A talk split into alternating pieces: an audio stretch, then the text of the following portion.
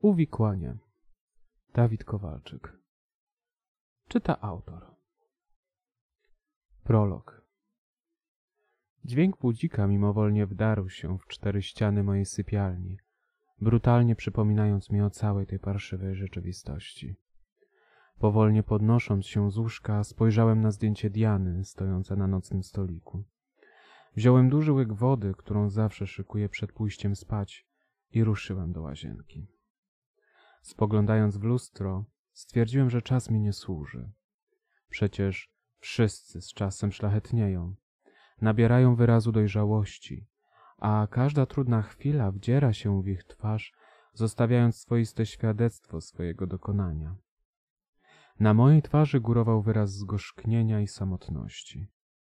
Schodząc na dół, zabrałem jeszcze torbę i capnąłem przy bufecie śniadaniowym.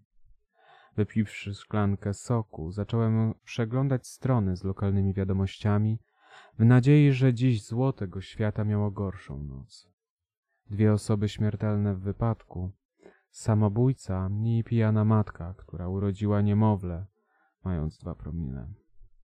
Uf, nie tak źle. Wyłączyłem komputer i schowałem go do torby. W drodze do wyjścia zabrałem testy, które wczoraj miałem okazję sprawdzać i wyszedłem do pracy. Dzień jak co dzień.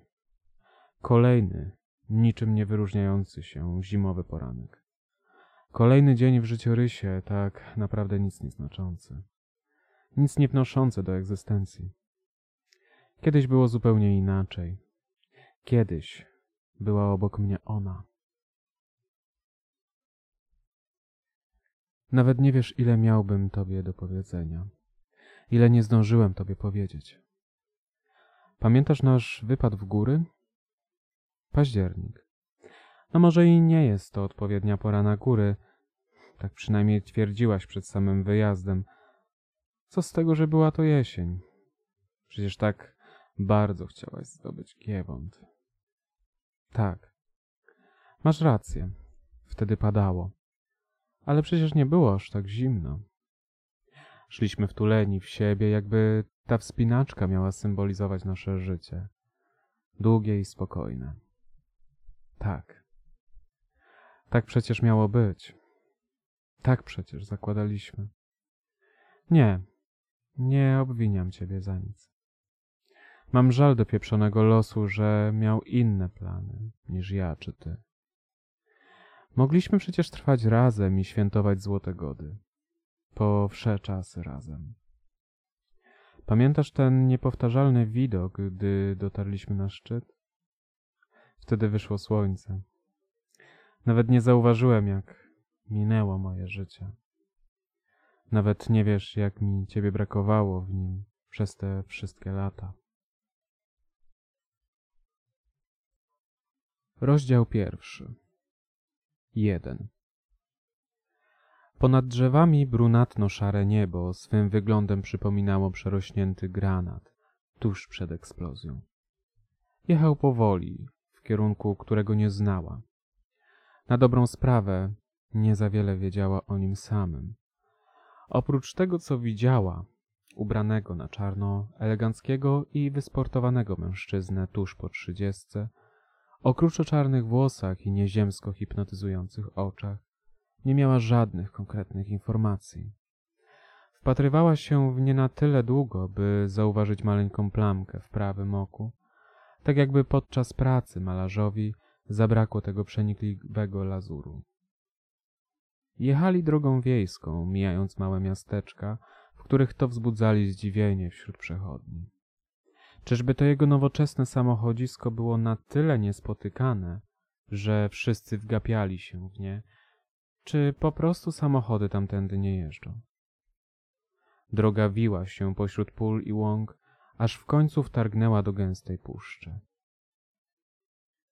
Wszystko wyglądało jak z drętwego koszmaru.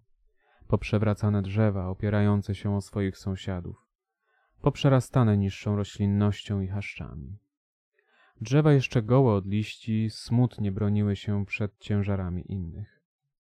Co róż na poboczu widać było pozostałości tych, które niewątpliwie wtargnęły na jezdnię. Rozglądając się na boki, Próbowała jak najwięcej zapamiętać. Co, jeśli będzie musiała uciekać? Zastanawiała się nad każdą z opcji po kolei, każdą układając stosowny plan, a gdyby. Nie do końca wiedziała, z kim tak naprawdę wsiadła do tego samochodu. Nie do końca była przekonana. Co jednak tknęło ją, by wsiąść? W końcu zaczął zwalniać. Zaczęła szukać powodu, dla którego to robi, jednak dopiero w ostatniej chwili zauważyła polną drogę wdzierającą się w głąb puszczy. Była wąska, jakby wykrojona specjalnie na szerokość tego właśnie konkretnego samochodu. Dwa. Kompleks budynków, kiedyś białych, teraz przypruszony szarością czasu, potężnych, niczym z kroniki Galla Anonima, wyłaniał się powoli z zadzielnej gwardii prastarych drzewostanów. Ciarki przeszły jej po plecach. Czy ja wiem, gdzie jestem? pomyślała. Czy ja znam tego, z kim tutaj przyjechałam? Czy kiedykolwiek odnajdzie mnie tutaj lub moje zwłoki na tym końcu świata ktokolwiek? Wysiadając z samochodu, omiotła wzrokiem majestatycznie górujący nad całością widoku budynek z białego kamienia. Po raz drugi poczuła, jak zimny pot spływa po linii jej kręgosłupa. Nie mając pojęcia, gdzie jest, ruszyła za nim w kierunku drzwi wejściowych do dworu. Co w nas decyduje o tym, że podążamy w nieznane mimo lęku? Co daje nam podstawy, by iść w przód pomimo przerażenia? W gruncie rzeczy nie mamy za wielkiego wyboru. W gruncie rzeczy każdy dzień jest drogą w nieznane. To obecność drugiej osoby stwarza niepewność i obawę przed tą osobą. 3. Po prawo jadalnia z przeraźliwie wielkim stołem, po lewo salon. Na wprost centralny punkt przedpokoju, jaki stanowiły schody. Zapach tego domu potęgował niepewność. Co ja tutaj robię? Zastanawiała się. Przechodząc do przodu, zauważyła drzwi podobne do tych, przez które weszli. Mijając wejścia do kolejnych pomieszczeń, dotarła do nich i pchnęła je przed siebie. Drzwi zaskrzypiały, jakby otwierały się z bólem, a gdy już ustąpiły, ukazały jej oczom taras zwrócony wprost na krawędź klifu, za którym majaczyło spale jezioro. Jak tu pięknie, pomyślała. Czyżby i ciebie uwiódł ten widok? Wystraszyła się jego głosu. Jest piękny, ale urwała. Nie jest taki oczywisty. Nie jest łatwo go zdefiniować. Miał rację.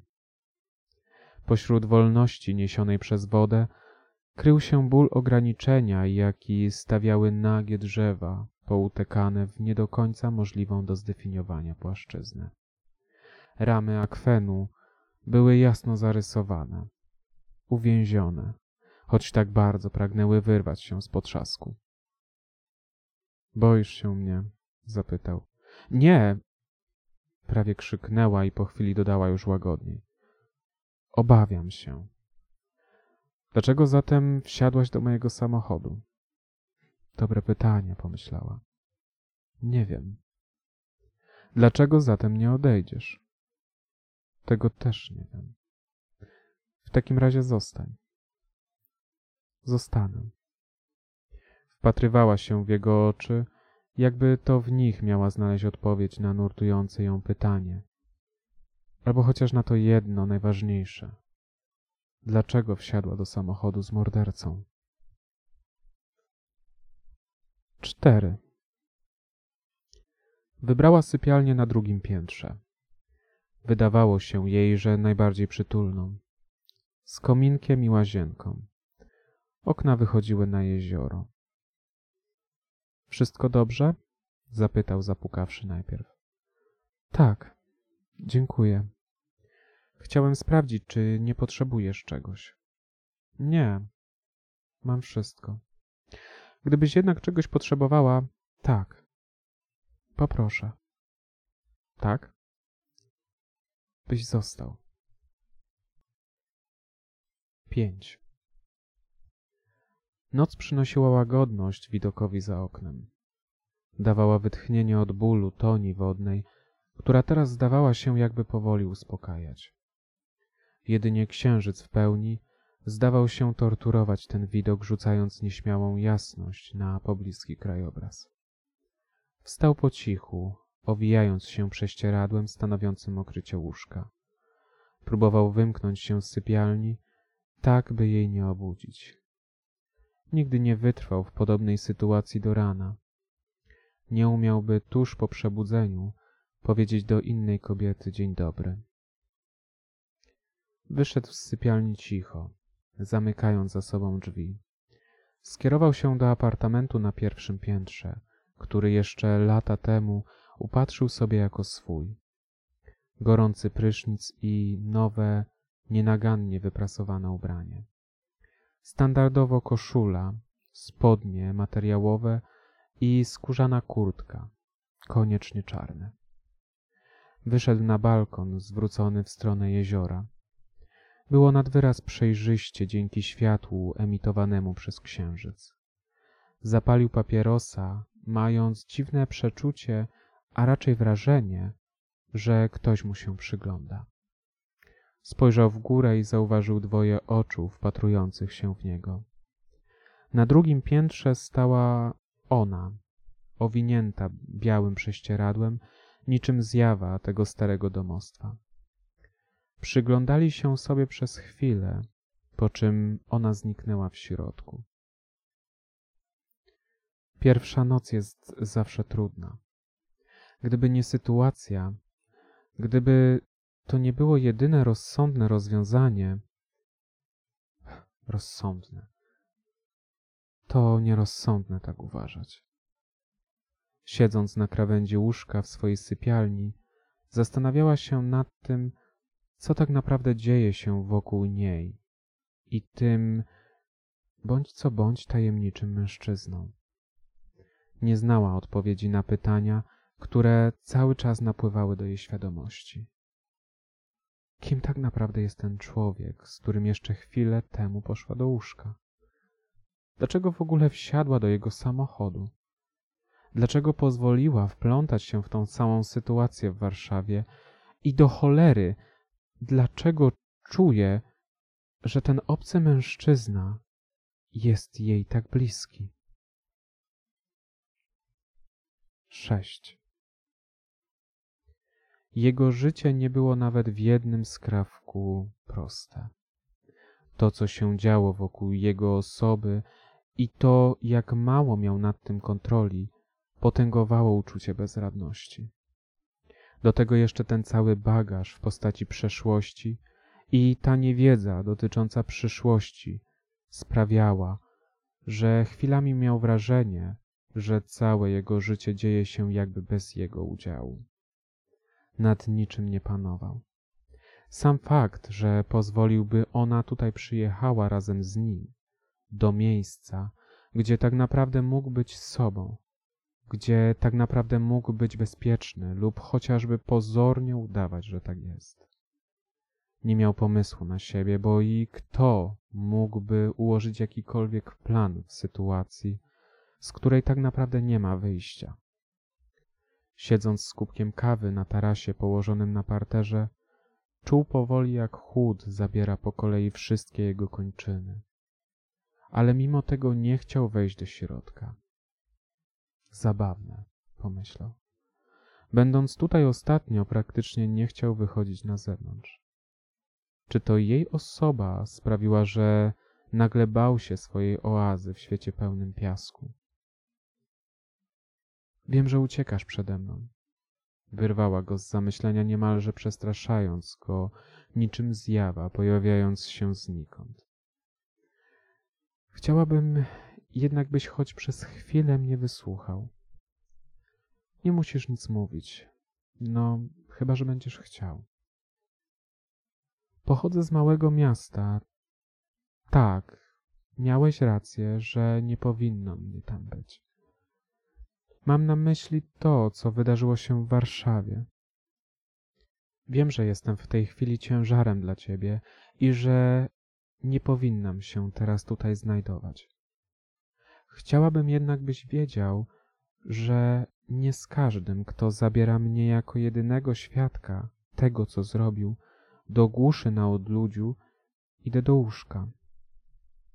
Wiem, co teraz sobie myślisz i wiem także, że to nie mój pieprzony interes, ale chcę Tobie pomóc. Chciałabym Ciebie zrozumieć, poznać. Zostałam nauczona, że żeby kogoś ocenić, trzeba najpierw coś o nim wiedzieć. I taki mam zamiar. Jeżeli będziesz chciał, żebym odeszła, zrozumiem. Wiem, że mnie nie znasz, ale możesz być pewien, że wszystko to, co widziałam, zostawię dla siebie. Nie wiedział, co odpowiedzieć. Czy kiedykolwiek powinien powiedzieć w tej sytuacji cokolwiek? Czy może jej zaufać? W końcu wiedziała i tak za dużo.